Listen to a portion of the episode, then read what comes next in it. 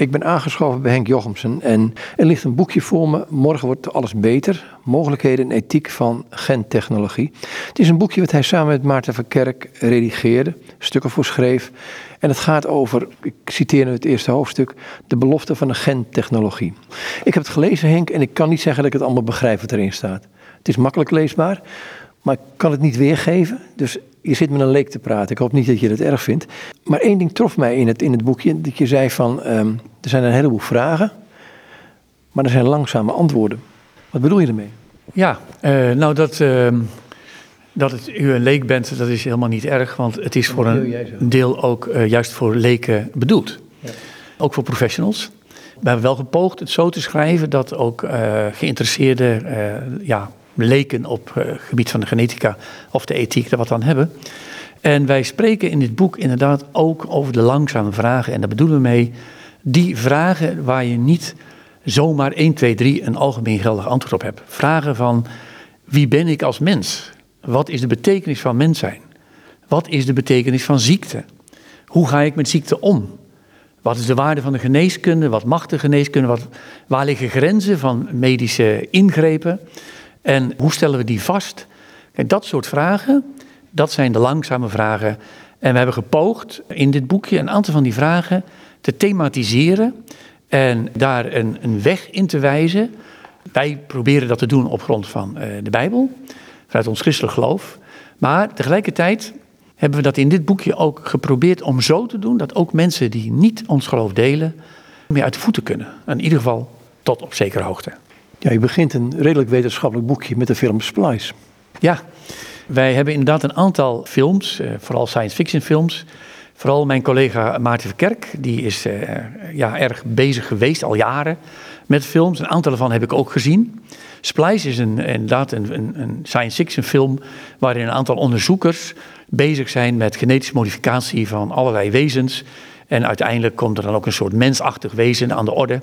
Met alle vragen van dien. En wat deze film doet, is dat hij laat zien hoe wetenschappers die erg geïnteresseerd zijn in hoe de, de natuur, de wereld, leven in elkaar zit, ook menselijk leven. En bovendien onder druk staan van de productie van een firma die geld moet verdienen. Hoe die stappen zetten waarvan ze zich eigenlijk niet realiseren wat de implicaties zijn. En hoe gevaarlijk dat kan zijn. Daar komen thema's naar voren die denken wij tot op zekere hoogte in onze situatie eh, ja, ook gelden. Mensen toch te ver gaan. Kun je een voorbeeld bij geven? Ja, te ver is natuurlijk altijd de vraag, wat bedoel je met te ver? Wat, wat ik allereerst wil zeggen is dit, is dat op dit moment vindt een discussie plaats over uh, genetische modificatie uh, van menselijke embryo's. De kiembaan gentherapie is dan een beetje de term. Die komt u misschien in de kranten nog wel eens tegen en zo. Maar dan gaat het om embryo of aan de geslachtscellen die tot een embryo zullen leiden. Maar laten we voor het gemak even zeggen, het beginnende embryo, daar een zodanige verandering in aanbrengen dat bijvoorbeeld een genetische ziekte niet tot uitdrukking komt. Zo'n embryootje heeft bijvoorbeeld een, een gendefect ontvangen, doorgekregen van de ouders. En die leidt met een hoge kans tot een bepaalde ziekte, vaak een ernstige ziekte. En dan is de vraag, kan je in dat embryo dat gen met die spelfout, met die structuurfout zou je kunnen zeggen, kan je dat nou vervangen door een goed gen, een gezond gen? Zodat die ziekte niet tot uitdrukking komt. Nou, dat is een vraag die op dit moment erg speelt. En ja, wat dan aan de orde is, is dat kun je alleen ontwikkelen, die techniek, zeggen de onderzoekers, als je eerst een heleboel embryo's maakt voor onderzoek. En die gaan bij het onderzoek verloren. Dan zeggen wij, dat is voor ons geen acceptabele manier van doen. Maar goed, als het op een veilige manier ontwikkeld kan worden, dan zeggen wij ook, ja, als je een ziekte in een vroeg stadium kan behandelen, en de betreffende patiënt in het embryonale stadium heeft daar baat bij, dan zijn we in principe niet tegen. Alleen dan komt weer een volgende vraag en dan kom je die langzame vragen. Maar kan het überhaupt ooit veilig gebeuren? Is dat embryo in het begin van het leven niet zo subtiel, zo kwetsbaar? Is het allemaal niet zo complex en ingewikkeld? Al die mechanismen, al die lagen van regulering dat als je daarin iets gaat doen en het blijft op een bepaalde manier toch grofmazig, zelfs met de fijnzinnige enzymen die we nu hebben, CRISPR-Cas is dan een beetje de kreet, dat blijft een grote vraag. En de tweede belangrijke vraag is, ja, stel nu dat we het kunnen. Stel nu dat we het wel veilig kunnen. gaan wij ons dan beperken tot ernstige ziekte? Of gaan we in onze samenleving, waar gezondheid en vitaliteit en uh, ja, extra capaciteiten zo belangrijk zijn, gaan we dan niet proberen om met behulp van genetische modificatie mensen ook gewenste eigenschappen te geven? Mensen die gezond zijn, maar die zeggen: ik wil dat beter kunnen, of ik wil zus beter kunnen, ofzovoort. Nou, dat zijn, dat zijn vragen die hier aan de orde zijn. Dan ga ik naar één, één hoofdstuk. In het boek waar, je veel aandacht aan besteedt, is uh, mensen met een Down-syndroom. Ik weet er is iemand met een Down-syndroom die uh, les geeft op een universiteit. Ja. Maar mensen met een Down-syndroom of een foetus met een embryo met een Down-syndroom kan geaborteerd worden. Ja. Ga je dan ook niet meteen met de, hè, de vraag ligt er ook bij meteen, steek je dan niet een beschuldigende vinger uit naar al die mensen met het Down-syndroom die wel leven? Dat is een... en mag je leven? Mag je leven? Ja, dat is een thema wat ook uh, in dit boek op enkele hoofdstukken wordt, uh, wordt behandeld. In het boek over prenatale diagnostiek, het hoofdstuk. Hoofdstuk 6 wordt uitvoerig ingegaan op allerlei manieren van prenatale diagnostiek, waarin onder meer een chromosomale afwijking die ten grondslag ligt aan Down-syndroom kan worden vastgesteld. In een ander hoofdstuk wordt ingegaan op wat betekent nou gentechnologie voor mensen met een verstandelijke beperking. Professor Thijs Tromp die gaat daarop in. Ander is van uh, medewerkers van NPV ja, onze conclusie is dat wij dus eigenlijk met het selecteren, dat we daar eh, zeer terughoudend tegenover staan. Laat ik het voorzichtig zeggen.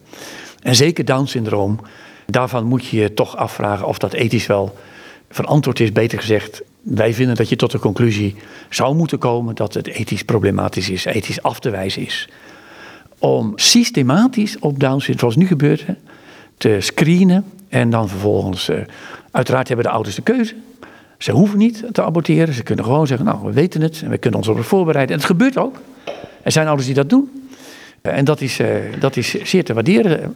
Uh, maar in heel veel gevallen wordt een, een dergelijk ongeboren kind toch geaborteerd. En dat, dat is echt een van de ethisch zeer problematische aspecten van de toepassing van genetische mogelijkheden, van klinische genetica op dit moment.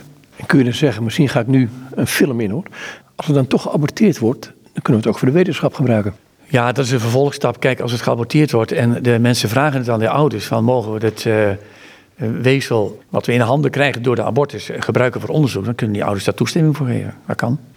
Hoe sta je er tegenover? Nou ja, ik sta dus zeer afwijzend tegenover die abortus. Dus ja, die, die vervolgvraag die is, komt wat mij betreft uh, al ethisch op zich minder aan bod. Ja, als je accepteert dat ouders kunnen kiezen voor abortus, dan, dan zie ik niet dat het gebruik van dat weefsel, dat dat dan nog het grote ethische probleem zou zijn. Tegelijkertijd is er natuurlijk, er zit wel die kant aan dat het kan lijken alsof het wetenschappelijk onderzoek een soort rechtvaardiging zou kunnen betekenen voor die abortus. Maar het is wel zo dat in dat soort gevallen worden die circuits in het algemeen wel uit elkaar gehouden. Dus de beslissing tot abortus staat volkomen los tot een vraag naar wel of niet gebruik van het weefsel. En ik heb ook niet de indruk dat daar nou zoveel behoefte aan is, eerlijk gezegd. In het boek, hè, jullie doen het aan de hand van een aantal films. En dit vind ik voor mezelf erg verhelderend, helderend hoor, als leek. Um, maar bij een van de filmsplies heb je het ook over de motieven en de thema's. Ja, nou motief is een... Het is gemengd, hè? dat maakt het ook zo boeiend en tegelijkertijd ook complex. Bij Splice zie je dus het motief, en de, ook het motief onder andere van de commerciële belangen. Dat speelt een duidelijke rol. Het motief van onderzoeken van de onderzoekers die graag willen weten wat er aan de orde is. Dus ambitie, dan ook uh, gewoon de pure nieuwsgierigheid. En die twee versterken elkaar. En, en dan spelen daartussendoor nog allerlei heel persoonlijke motieven bij deze, bij deze onderzoekers. Bijvoorbeeld van de vrouwelijke, dus een, een, een stel als onderzoek, die vormen een stel in, dit, uh, in die film, een man en een vrouw. Die vrouw wilde eigenlijk geen eigen kinderen, vond ze allemaal te, te, te spannend, te problematisch. Maar vervolgens heeft ze wel haar eigen eicellen gebruikt in de allerlei uh, experimenten van genetische modificatie, waarbij ze dus DNA van allerlei organismen, dieren en planten en menselijke eicel bij elkaar gecombineerd heeft, waardoor een, een heel wonderlijk mensachtig wezen met ook allerlei dierlijke eigenschappen tevoorschijn komt. Wetenschappelijk gezien is het volgens mij een onmogelijke zaak wat daar gebeurt. Is het echt science fiction en meer dan dat. Het lijkt me dat dit gewoon überhaupt nooit kan. Maar daar gaat het niet over. Het gaat over dat er wel onverwachte dingen kunnen gebeuren. En dat er dus dingen wel degelijk uit de hand kunnen lopen. En hoe ga je daar dan mee om? Dat, dat, dat zijn belangrijke motieven in deze film. Nou, doe je die, die onderzoek in het boekje, dat vond ik wel een hele charmant, of een charmante moet je, dat is eigenlijk niet het goede woord, maar het kwam bij mij wel binnen. Um, je gebruikte drie manieren om erover te spreken. Je hebt het over vooruitgang, voorzichtigheid en verzet. Steeds met, met wat, je, wat je aankaart, om dat daarmee mee te beginnen. Ja, nou, wij hebben inderdaad gepoogd in het begin van het boek een, heel, een soort heel globaal, een heel relatief eenvoudig ethisch ja, patroon, zou je kunnen zeggen, redeneerwijze uiteen te zetten om de ethische vragen bespreekbaar te maken op een brede manier. En dat zijn inderdaad de drie motieven, zou je kunnen zeggen, van eh, vooruitgang, voorzichtigheid en verzet. Vooruitgang is natuurlijk dat we hopen dat wetenschap nieuwe behandelmethoden zal ontwikkelen. Hè, waardoor ziekten kunnen worden behandeld, diagnoses worden gesteld enzovoorts. Nou, dat is ook het geval bij de klinische genetica. Vooruitgang is een positief motief, zonder meer te waarderen. Ook vanuit een christelijk motief natuurlijk. Christenen hebben altijd positief gestaan tegenover geneeskunde, medische behandelingen, eh, mensen die ziek zijn ook helpen. Het tweede is voorzichtigheid. de interventies worden steeds ingrijpender, zou je kunnen zeggen. Riskanter. We komen steeds meer op een niveau van de, van de moleculen die een basis vormen voor de levensprocessen. En als je daarin eh, aan het eh, ingrijpen gaat, knutselen gaat, even een beetje simpel gezegd, dan blijft het toch heel moeilijk te voorspellen wat er precies uh, de gevolgen kunnen zijn. Ook met menselijke embryo's. Uh, hoe gaan we met embryo's om? Hoe zien we het embryo? Wij pleiten voor het motief van de voorzichtigheid. dus wees terughoudend, wees bescheiden. Wij beheersen het allemaal niet. We snappen het maar heel beperkt.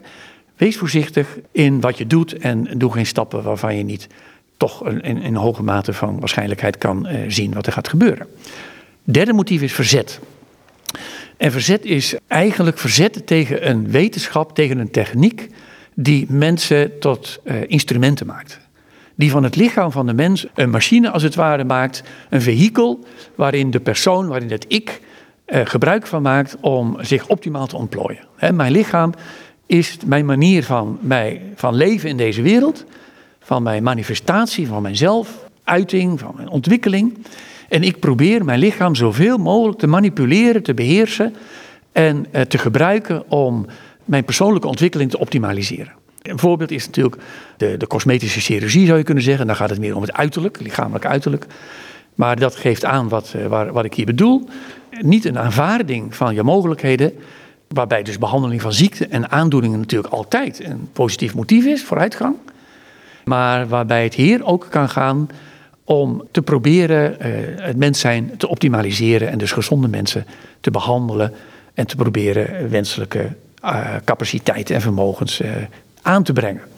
En ook manipuleren met embryo's, onderzoek met embryo's, wetenschappelijk onderzoek. Zelfs al zou je niet zeker weten of je een menselijk embryo als mens moet zien, maar die mogelijkheid moet openhouden, dan mag je daar nooit mee manipuleren, mag je er geen onderzoek mee doen waarbij die embryo's verloren gaan. Want dan, dan neem je het risico dat je daarmee als het ware toch mensen doodt. Voor mijzelf acht ik het menselijk embryo een exemplaar van de menselijke soort, om maar biologisch te zeggen. En daarmee eh, volledig beschermwaardig in die zin dat je die nooit als middel mag gebruiken voor andere doelen. Dus nooit zomaar eh, onderzoek mee mag doen om daar meer kennis mee te verzamelen. Het is het meest zwakke in de samenleving. Zo is het. En als we dan uh, kiezen voor uh, zorg voor de kwetsbaren en voor de zwakkeren, uh, ja, dan is het menselijk embryo inderdaad het begin daarvan. Ja. ja. Komt de vraag, wat, wat is dan leven en ja, wat is de mens? Wie is de mens? ja. Daar mag je een hele tijd over doen hoor. Ik, wil, ik ga ondertussen wel een rondje lopen. Ja, precies. Nee, maar ik kan het ook wel kort houden. Kijk, wat is leven? Dat is een, niet een goede vraag. Leven is uh, alle, cellen die, uh, alle cellen van biologische organismen die leven zijn leven. Dus uh, menselijke cellen zijn leven. Alle menselijke cellen. Zaadcellen van mensen is menselijk leven en, enzovoort. Dus wat is leven? Ik heb er net een artikeltje over geschreven in het blad Sophie. Over dit onderzoek. dit, dit, dit thema. De vraag is, wanneer begint het leven van een mens? En dat is een hele andere vraag. En naar mijn, naar mijn inzicht is dat inderdaad bij de bevruchting vanaf het eh, eerste begin, als er een nieuw exemplaar van menselijke soort ontstaat, individu dat er voor de soort typische ontwikkeling zal doormaken, mits de condities gegeven zijn. Maar dat geldt voor, ook voor volwassenen. Als ik niet onder bepaalde condities van zuurstof en voedsel en weet ik wat kan leven, dan ga ik ook dood. Dus dat geldt. Het embryo heeft heel eigen condities die nodig zijn. Onder die conditie zal het die ontwikkeling doormaken. Dus, dus ik vind dan inderdaad, dan begint het menselijk leven. En dan begint ook uh, ja, de ontwikkeling van die persoon. Kijk, in ons wetenschappelijk denken wordt het mens zijn naar zijn meer spirituele dimensie, zeg maar, gezien als iets dat zich ontwikkelt vanuit dat biologische wezentje, vanuit die bevruchte eicel, die zich verder ontwikkelt eh, volgens eh, de, de, menselijke ontwikkeling. Dus het, het, het verstand, zeg maar, de geestelijke dimensie, komt als het ware op uit de materie. Ik geloof dat niet. Ik geloof dat die geestelijke dimensie er is voor die tijd. God is schepper. En zonder in een dualisme van ziel en lichaam te vervallen, denk ik dat je, uh, dat je zou kunnen zeggen dat eerder de mens zoals God die schept, die is zich in dat embryo aan het belichamen. Die is zich in dat beginnend biologische wezentje. Is aan het verschijnen in deze wereld van de zichtbare verschijnselen en zich ja, kenbaar te maken als een, eh, als een mens onder ons mensen en, en lid van de morele gemeenschap van mensen. Dus ik denk dat wij veel meer vanuit boven, zo gezegd, vanuit de geestelijke wereld, vanuit de ziel, naar het lichaam en die als het ware in beheer wordt genomen door de ziel, door de geest. Op zich een hele discussie, laat ik nu rusten. En niet moeten denken van, niet bottom-up moeten denken van er is een biologisch uh, organisme. Zaadcel, eicel versmelten, komt een nieuw uh, wezentje, een nieuwe entiteit, meer filosofisch gezegd. En daar komt dan, daar emergeert, hè, dat is zo'n zo woord in dit verband, emergeert, komt op uit dat wezentje iets van, ja, wat dan ons verstand is en alle verschijnselen die wij hebben. Maar uiteindelijk kom je dan, althans dat is wel een heel risico en in de wetenschap zie je dat gebeuren, dan kom je toch tot een soort van een materialistisch mensbeeld. Van uiteindelijk is het hele menselijke bewustzijn, alle, alle hogere menselijke functies, zouden dan verklaarbaar zijn uh, puur vanuit de interactie op het moleculaire niveau in dat wezen. Uh, ik geloof dat niet. En, en daar ligt dus. Die discussie wordt uitvoerig uh, ook gevoerd in ons boek, in het hoofdstuk over de status van het embryo. Ik ga nog één zij, nou, zijstraat is het niet. In um, wat je nu zegt, ik moet aan Schwab denken, ik ben mijn brein. Ja. Maar wat jullie in het boek zeggen, um, met een vraagteken is: is de mens zijn DNA? Ja, dat is een goede vraag. Uh, en, uh, zowel bij het brein als bij het DNA is het antwoord nee. Kijk, nee, wat, wat Swaap doet, uh, is uh, buitengewoon interessante gegevens over hersenonderzoek uh, en de functie van hersenen en hoe het allemaal gaat. En hartstikke interessant en, en, waardevol. Maar waar hij buiten zijn vak treedt, dan, dan gaat hij dingen verkopen die gewoon helemaal niet kloppen. En die gewoon wetenschappelijk, wetenschapsfilosofisch en filosofisch gezien redelijk onzin zijn, zo nu en dan. De mens zijn DNA? Nee. De mens is natuurlijk niet zijn DNA. Dus, hè, dus het is een boek ook weer van Dawkins, geloof ik, The Selfish Gene, hè, het zelfzuchtige gen. Wat eigenlijk een beetje het mensbeeld heeft van de mens, is eigenlijk verpakt DNA. En de genen die willen zich voortplanten. Merkwaardig dat opeens een wil aan genen wordt toegedicht natuurlijk. Dat is natuurlijk wel heel merkwaardig. Maar goed, uh, genen die zijn erop uit om zich voor te planten en die gebruiken gewoon de mens. En die gebruiken nou ja, menselijke interacties en, noem maar op seks en, enzovoorts, enzovoorts, om zich voor te planten. Dat is wel zo ongelooflijk plat mensbeeld. Maar dat niet alleen, het is wetenschappelijk volstrekt onhoudbaar.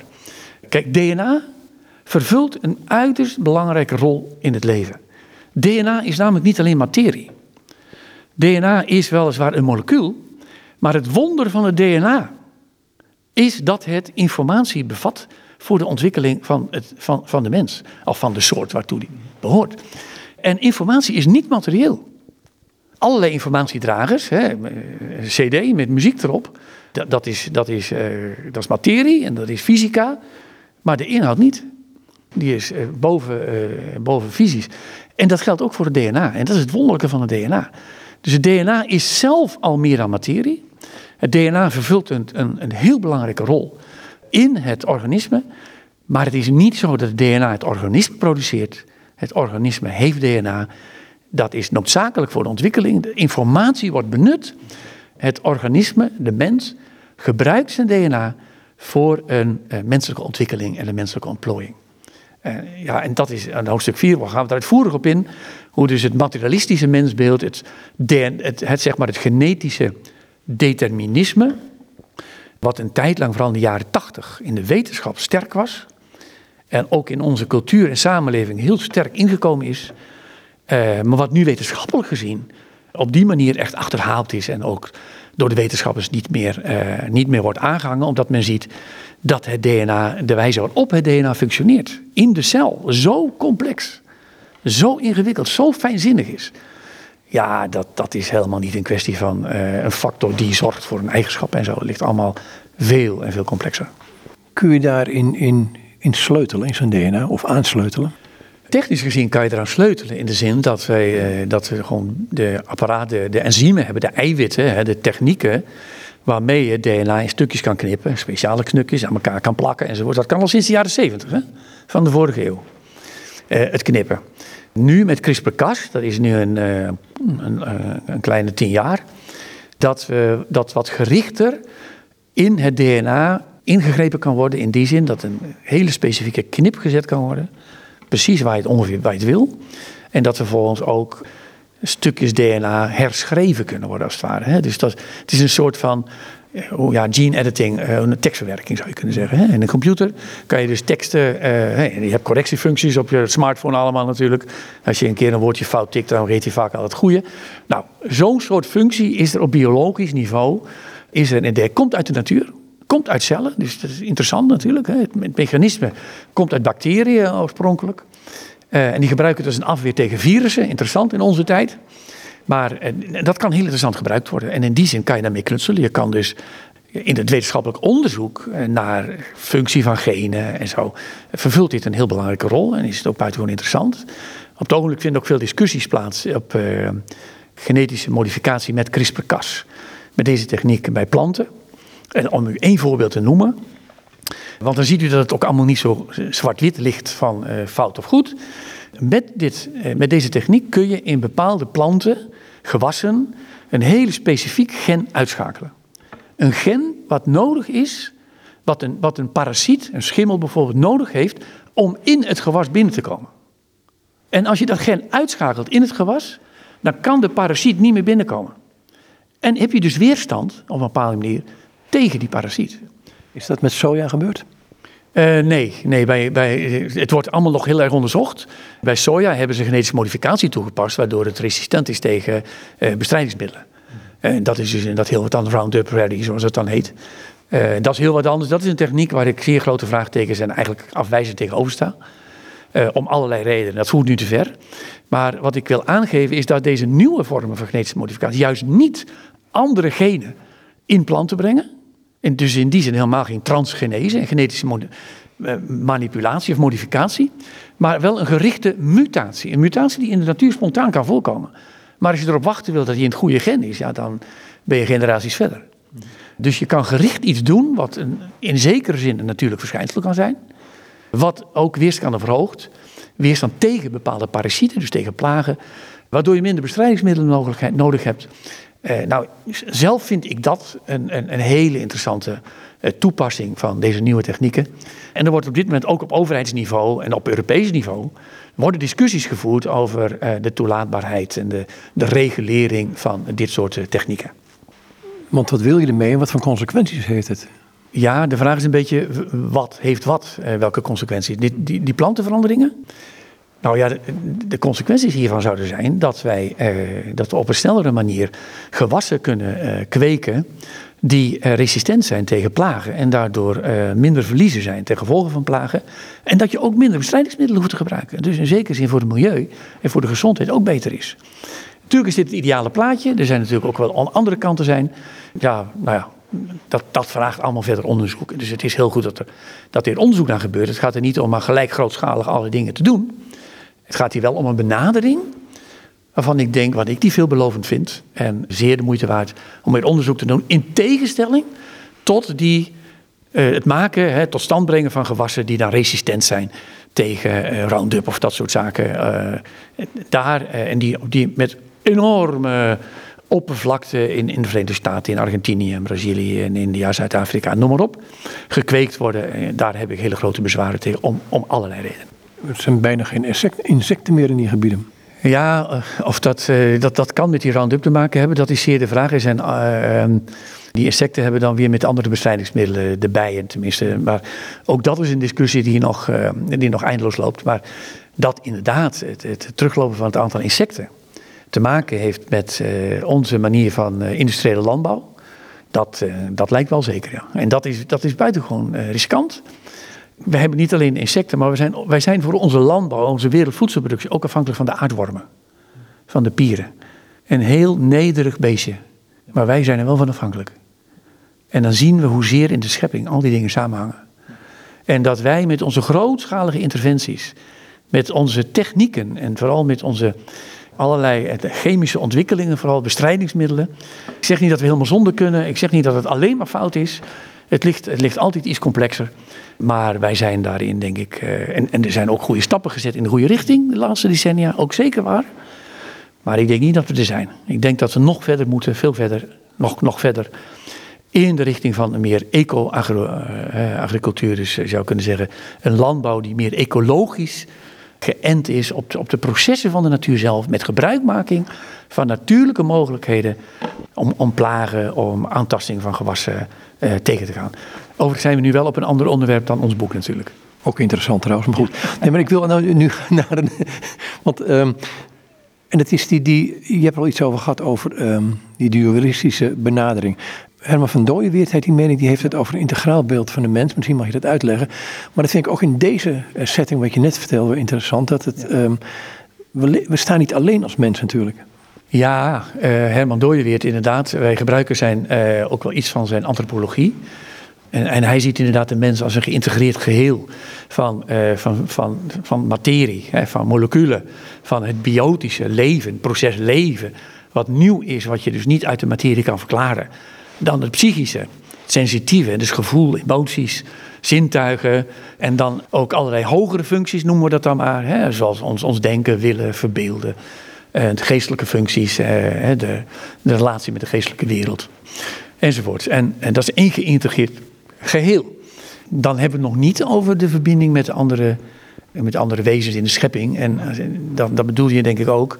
We zijn nou, het, het lijkt voor mij een afgeleide te zijn tegelijkertijd. Als je de mensen in totale, totaliteit als een geheel ziet, uh, integraal beeld van de mens, laat ik zo zeggen, ja. dan kan het niet anders dat je onderdeel bent van. Ja. Nou, dat klopt. In het denken van, uh, van Dooyeweert is dat ook zeker het geval. Een mens is ingebed in de werkelijkheid. Alleen al de golflengte die wij zien. Het voedsel, dat, wat hebben wij nodig om, te voeden, om, om ons te voeden? En dat zijn stoffen die in planten gebruikt worden. En in dieren eventueel. dus eh, wij zijn op allerlei manieren in ons hele bestaan, met, met alle vezels van ons bestaan, ingevoegd aan de ene kant. Ingevoegd in de geschapen materiële werkelijkheid, de biologische werkelijkheid. Maar het wonderlijke van de mens is dat er naast geen dualisme, maar wel een dualiteit, wel een dimensie die uitgaat boven het materiële, namelijk de, de hogere functies, zoals ze dat dan noemen. Dus allerlei uh, mogelijkheden die de mens heeft, uh, van voorstellingen in kunst, in ethiek, godsdienst natuurlijk, de relatie met, met God. Maar interessant is dat ook in het christendom bijvoorbeeld, de relatie met God ook bemiddeld wordt door, door materiële zaken. Denk aan de sacramenten. Ja, we gaan niet een hele sacramentsleer natuurlijk ophangen nu natuurlijk. Nee, eh, maar alleen als je al zegt brood en wijn, dan, ja. dan begrijp ik het wel. Ja, nou ja, maar precies. Nou ja, goed, het, het, het zijn manieren waarop God het geloof wil versterken. Dus het zijn tekenen, tekenen en zegels, zeggen we dan in de gereformeerde leer. Dus, dus ja, daarin zie je hoezeer wij ook in het uh, godsdienstige leven uh, sterk ja, verbonden zijn met ons lichamelijke bestaan. Een ander ding is, um, je hebt het over um, de belofte van de gentechnologie, gaat het boek over. Um, je kunt er eindeloos over, hè, we praten nu over een aantal aspecten daarvan, een aantal aspecten van uh, wat er in het boek staat. Maar er komt altijd het punt aan van, het zal je eigen kind maar wezen. Dat, dat kom je altijd voor te staan op een gegeven moment. Ja, nou ja, dat is, dat is een aspect ervan. Eh, heel veel gaat ook om, om je eigen genen. Van als je klachten hebt of wat ook, of er gebeurt iets. En zeker ook als, als mensen denken aan, uh, aan gezinsvorming en kinderen krijgen. En er zijn bijvoorbeeld uh, erfelijke aandoeningen in de, in de familie. Dan laat je eerst onderzoeken wat je zelf hebt natuurlijk. Het zal je kind maar wezen. Ja, als het, als het dichtbij komt in je eigen gezin. Dan worden de vragen natuurlijk heel existentieel. En heel diepgaand. bijvoorbeeld, ja, denk aan Huntington, de ziekte van Huntington. Natuurlijk een, een heel ernstige ziekte. leidt tot lichamelijke en, en psychische sterke achteruitgang vanaf middelbare leeftijd ongeveer. En, en daar een, vroegtijdig overlijden. Heel ernstig. Er zijn families die al generaties lang dit in hun familie hebben.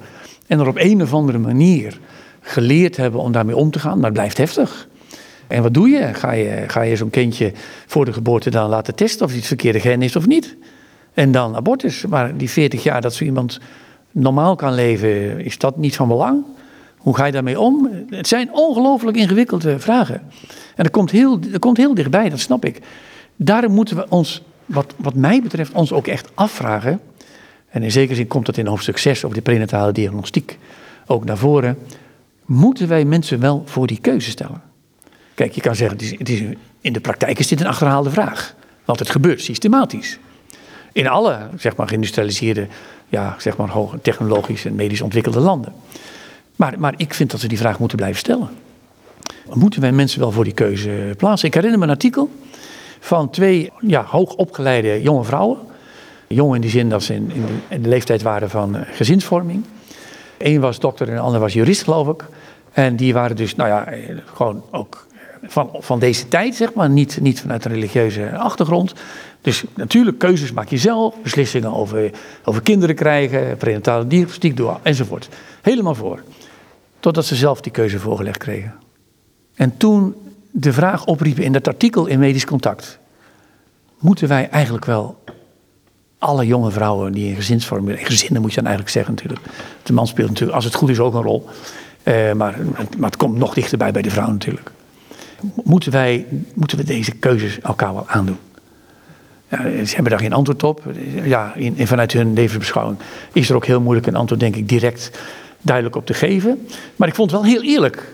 Heel eerlijk dat men die vraag gewoon zo durfde te thematiseren. En ja, dat is, dat is een belangrijk punt. En je kan dan inderdaad, uh, alle keuzes zijn moeilijk. Alle keuzes, afzien van kinderen is heel moeilijk. Met eventueel een kind, een kind adopteren, uh, met, met vragen eromheen. Ja, wel, wel zwanger uh, proberen te worden en dan testen. Pre-implantatie, dus een, zeg maar een soort prenatale diagnostiek op het embryo. Dus dan is de vrouw nog niet zwanger in die zin dat ze een kindje in, in zich heeft. Maar er is wel een, een, een vlucht uh, in het laboratorium. Die kan je laten onderzoeken in een aantal gevallen. En dan, ja, als die dan het verkeerde gen heeft, wegdoen. Of niks doen en dan wel zien wat er komt. En ja, als het kindje die aandoening heeft, daarmee dealen. En ik spreek het nu gewoon sec allemaal. maar in het christelijk geloof zal je al deze keuzes... Nee, niet allemaal, want sommige denk ik dat je vanuit het christelijk geloof niet zou willen maken. Maar een aantal van die keuzes wel. Afzien of laten komen. En dan, ja, wat doe je? Dat zou je toch willen doen in afhankelijkheid van de heren. En Gods leiding in het leven. En ja, ik zou zeggen, praat er ook over met, uh, met, met een dominee, met een ouderling, met mensen uit de omgeving, vanuit het christelijk geloof ook hierover nagedacht hebben. En ook wat informatie kunnen geven. Dus ik denk dat het wel van belang is dat we elkaar in de kerk bij deze dingen helpen. En wat je ziet is dat in de kerk, in veel kerken, mensen wel naar dokters gaan, ook ook als ze christen of niet christen, en dat is prima om naar een dokter te gaan. Maar dat ze vaak helemaal niet hierover van gedachten wisselen met eh, geloofsgenoten. Alsof ze bang zijn iets te horen, als ze liever niet horen. Of een vraag te stellen die je liever niet eh, stelt. Of nee, laat ik het zo zeggen. Soms ben je bang om een bepaalde vraag te stellen, omdat je denkt van... Oh help, uh, hoe zou ik nu gezien worden? Want dat, dat zijn vaak de dilemma's bij dit soort ethische vragen. Het is makkelijk om er nu over te filosoferen, of makkelijk. Maar als je eenmaal voor zo'n keuze staat, dan, is het, he, dan, dan sta je toch voor het diepe. Dat is zo, dat is zo. En uh, ja, blijkbaar is er dan niet altijd het gevoel van veiligheid in onze gemeenschappen. En dat is jammer. En wij zouden daar uh, opener moeten staan, denk ik, eh, voor elkaar, om, om die vraag te durven stellen. Mag ik wel of niet IVF gebruiken? Bijvoorbeeld. Daar wordt over in, ook in de orthodoxe christelijke kring wel verschillend gedacht. De praktijk is in elk geval heel verschillend. Maar daar, daarover moet je van elkaar, zonder elkaar gelijk in een, in een of andere hoek te zetten. En oh, jij bent dus, weet je wel. Nee, niet. Laten we, laten we samen eerst luisteren. Naar elkaar en naar de Heer. En dan zien we verder komen. Er is in de mens toch een hunkering naar het leven, denk ik. Ja, dat is, dat is zeker zo. Mensen hangen aan het leven en het eh, toch op een bepaald moment in je leven eh, graag kinderen krijgen. Als de situatie daarvoor is, dat is ook bij de meeste mensen zeker het geval, ja. ja. En dat, is, ja, dat hangt samen met de wijze waarop wij gemaakt zijn, denk ik. In het boekje heb je heel sterk. ehm, in- in- ik heb, nogmaals, ik heb het helemaal gelezen. En het komt over als een. bijna een naslagwerk is het, als ik het zo mag noemen. Hè, op, op een aantal gebieden. En je zet er toch die christelijke component op een gegeven moment bij. Van, hey, denk hier eens aan. En dan gaat het vooral om het, em- het hoofdstuk over embryo's. Als je op Psalm 139 hebt. hebt ehm, want het is vaak wat je in het boekje zegt. waar christenen vaak naartoe vluchten. Die Psalm 139.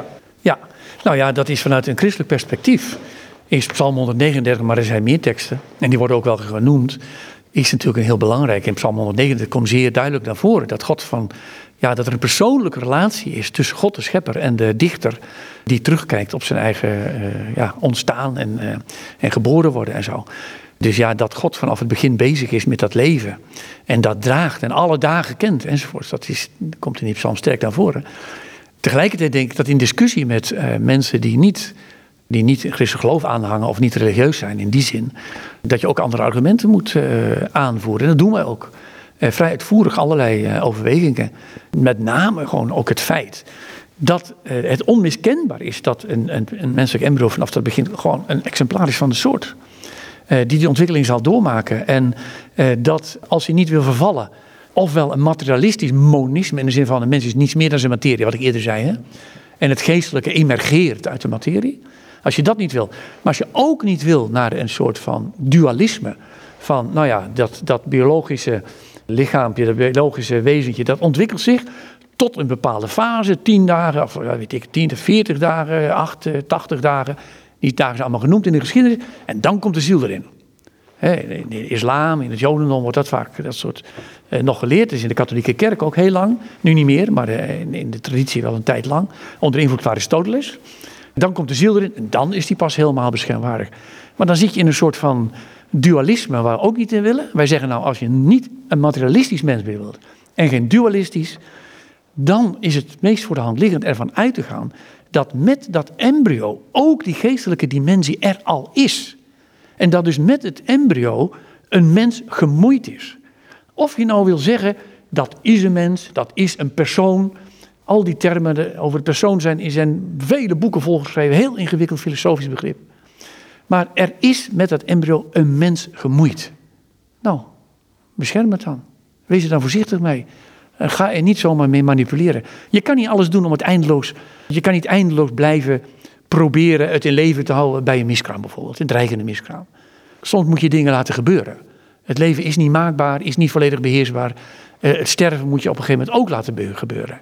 We moeten niet eindeloos proberen te rekken. Dat geldt ook voor het levensbegin. Maar niet moedwillig doden.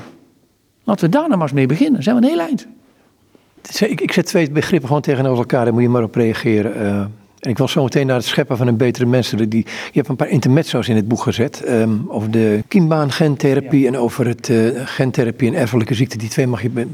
maar er komen twee woorden soms bij me op als je dit zo allemaal vertelt. Denk ik, ja, aan de ene kant is het een, eh, de wetenschap. We begrijpen een beetje hoe het in elkaar zit. En dan kun je zeggen, oké, nu weet ik het en nu ga ik verder kijken. Ik mis daar soms de verwondering in. De enorme verwondering naar het leven. Ja, ja.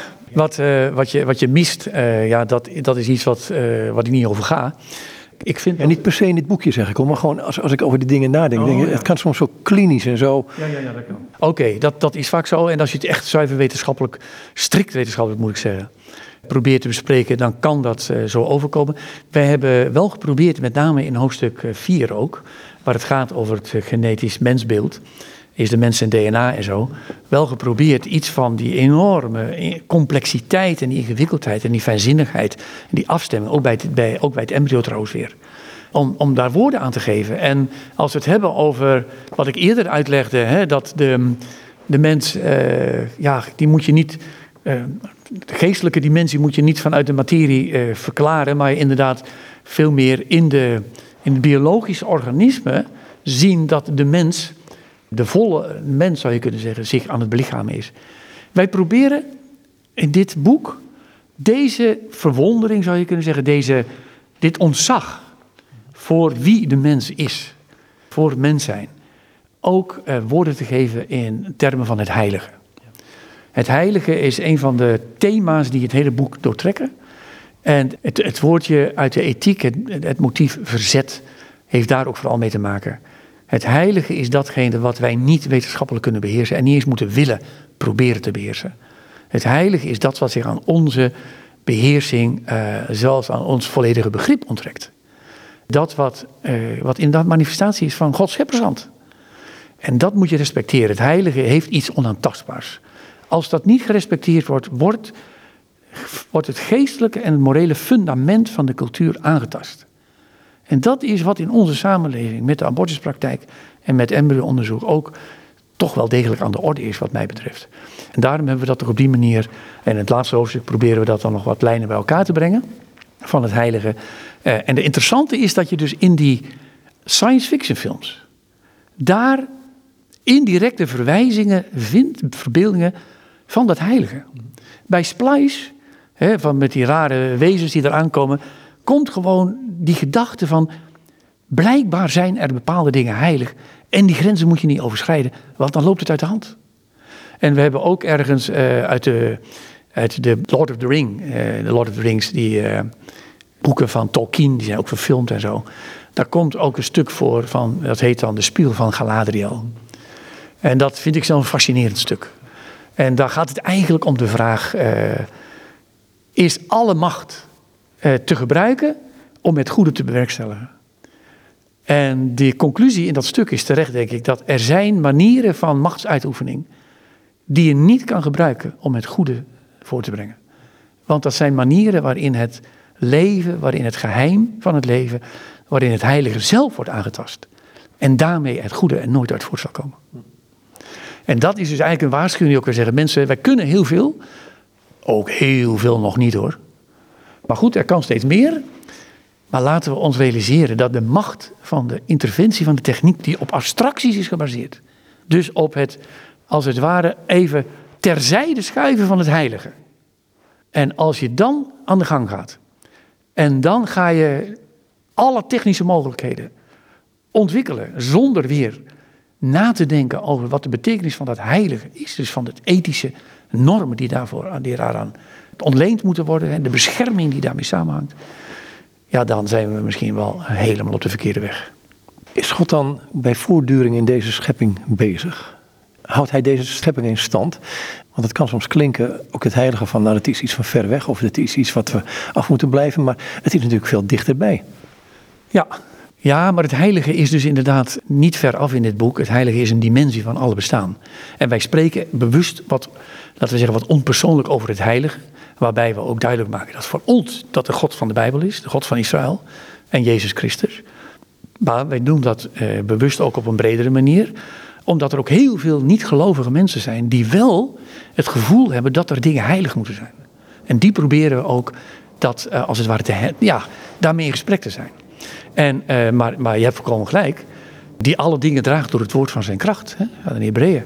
Uh, en ik vind Psalm 104 is misschien wel een van de meest duidelijke verwoordingen van de manier waarop God ook in de gewone, directe, zichtbare wereld aanwezig is. Hè.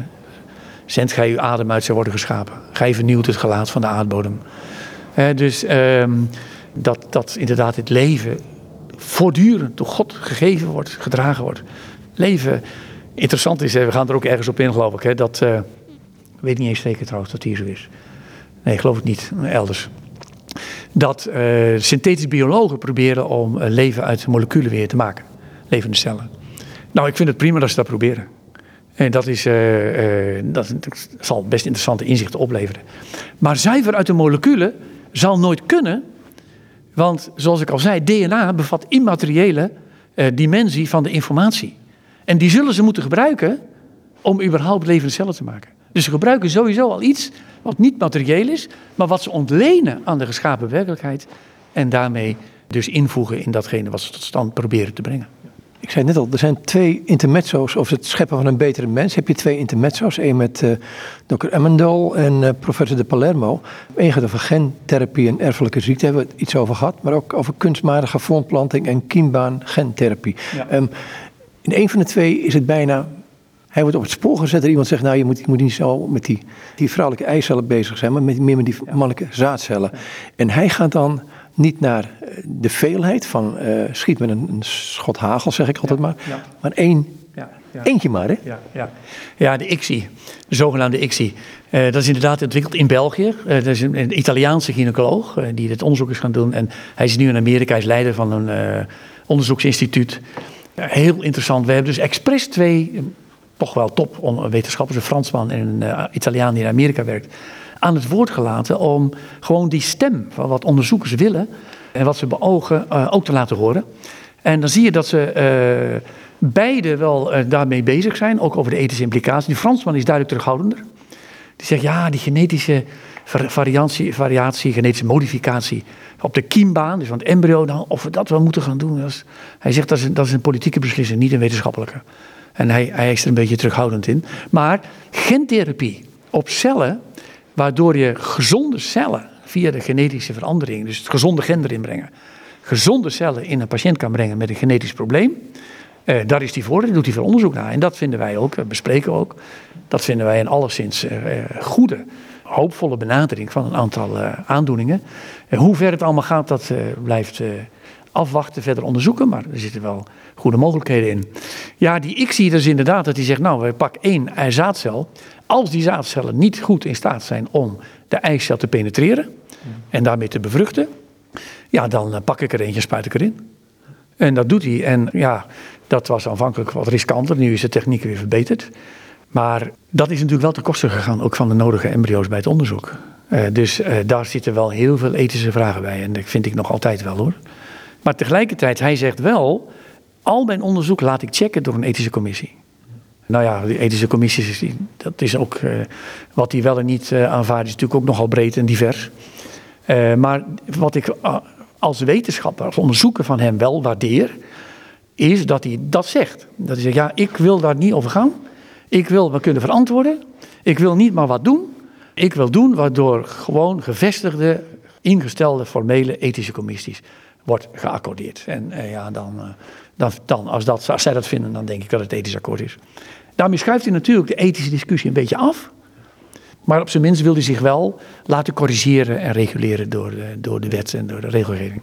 Een van de hoofdstukken laat je, laat je over repareren, laat je beginnen met een Joodse wijsheid. Uh, een lichaam is niet genezen als de geest buiten beschouwing wordt gelaten. Ja, daar kwam ik ergens tegen, dus dat vond ik wel een mooi opschrift. Daar kom je opnieuw die twee kanten van het menselijk bestaan. Hè. Mens is lichamelijk, ten volle mens zijn, ingebed in de materie, in de, in de geschapen werkelijkheid, ook in de biologie, biologische werkelijkheid. Maar anderzijds een, een, geschapen naar het beeld van God, in de relatie tot de levende God oorspronkelijk. Uh, en bedoeld om in die relatie te leven. En uh, we kunnen dan het, uh, we kunnen wel aan het lichaam knutselen.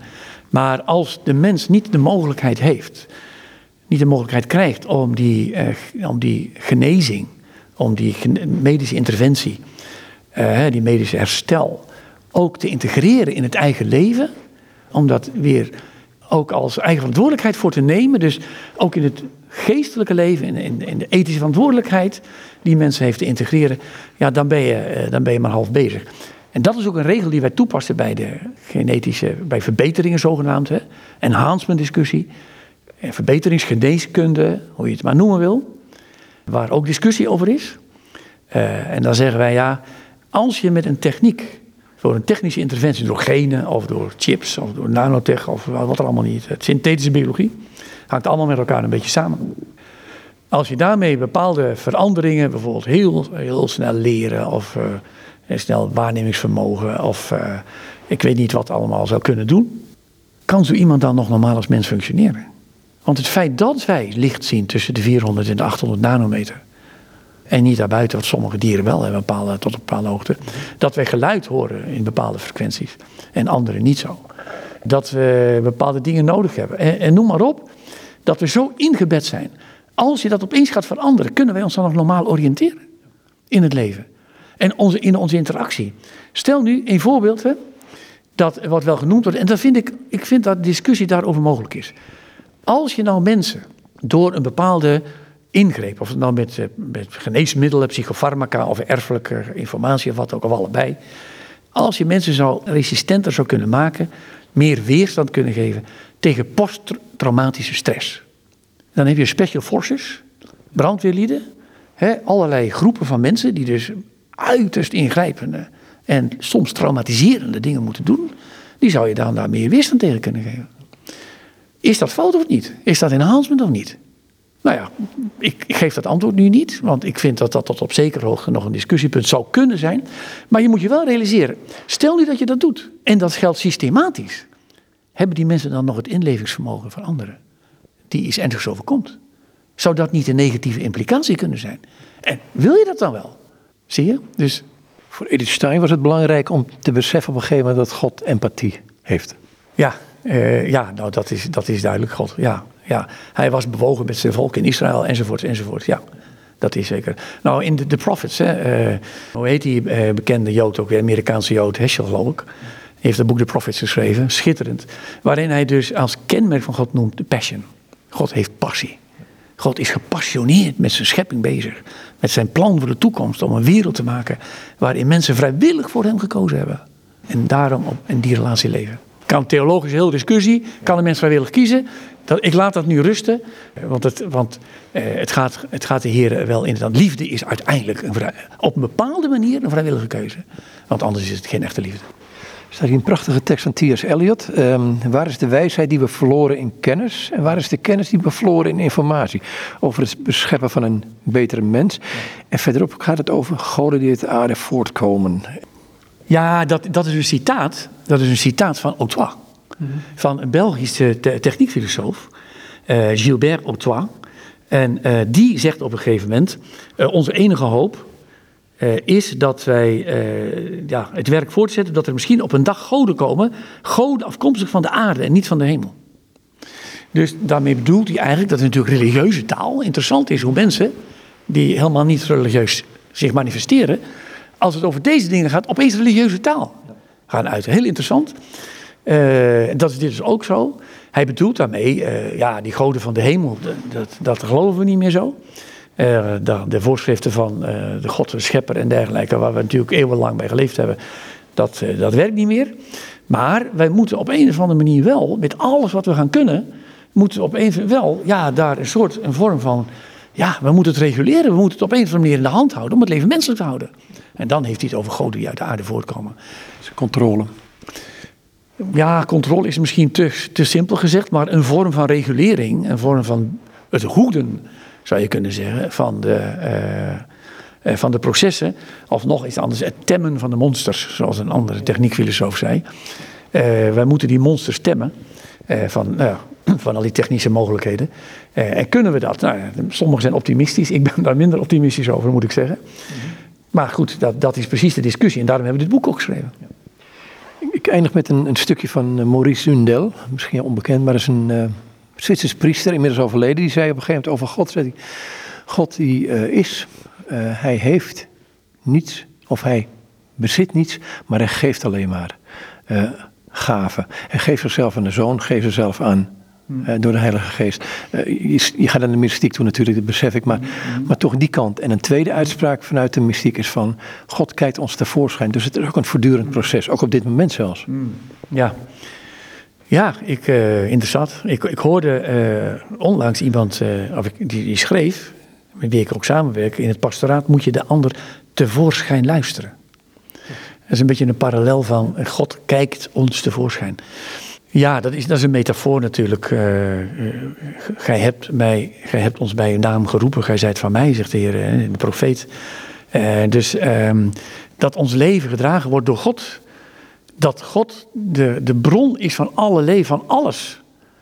Uh, en daar eigenlijk ook nog oneindig bovenuit gaat. En, en, en, en anders is, ja, wij, wij, kunnen God helemaal niet, wij kunnen God helemaal niet bevatten. Maar dit zijn inderdaad, het, dat, wat u noemt, dat geven, het kenotische wordt het wel genoemd, de zelfontlediging, wordt van Jezus natuurlijk heel expliciet beschreven, Filippenzen 2 die prachtige trit zo, die zichzelf het godengelijkheid niet als een, als een roof heeft geacht, hè, maar zichzelf ontledigd heeft, enzovoort, enzovoort. Die zelfontlediging die je bijvoorbeeld in de zon ziet, als voorbeeld. Hè. De zon die brandt zichzelf op, maar geeft daarbij licht. En dan God brandt zich niet op, maar wel die, die zelfgevende liefde, die de bron is van alle goeds en van alle bestaan, en van alles wat is. Uh, en ook de bron is van onze hoop op een toekomst waarin Hij in vrede en gerechtigheid zal regeren. En dan kun je zeggen, morgen wordt alles beter. Ja, maar dan wordt het morgen met een hoofdletter, de nieuwe morgen. Hey, dankjewel. Ja, graag gedaan. En dit is Henk Jochemsen. En Met hem was ik in gesprek over het boek Morgen wordt alles beter. Mogelijkheden en ethiek van gentechnologie. Hij redigeerde dit boek en schreef het samen met Maarten Verkerk. Het boek is trouwens uitgegeven bij Kok Boekencentrum Uitgevers in Utrecht. Goed, nogmaals tot zover dit gesprek met Henk Jochemsen.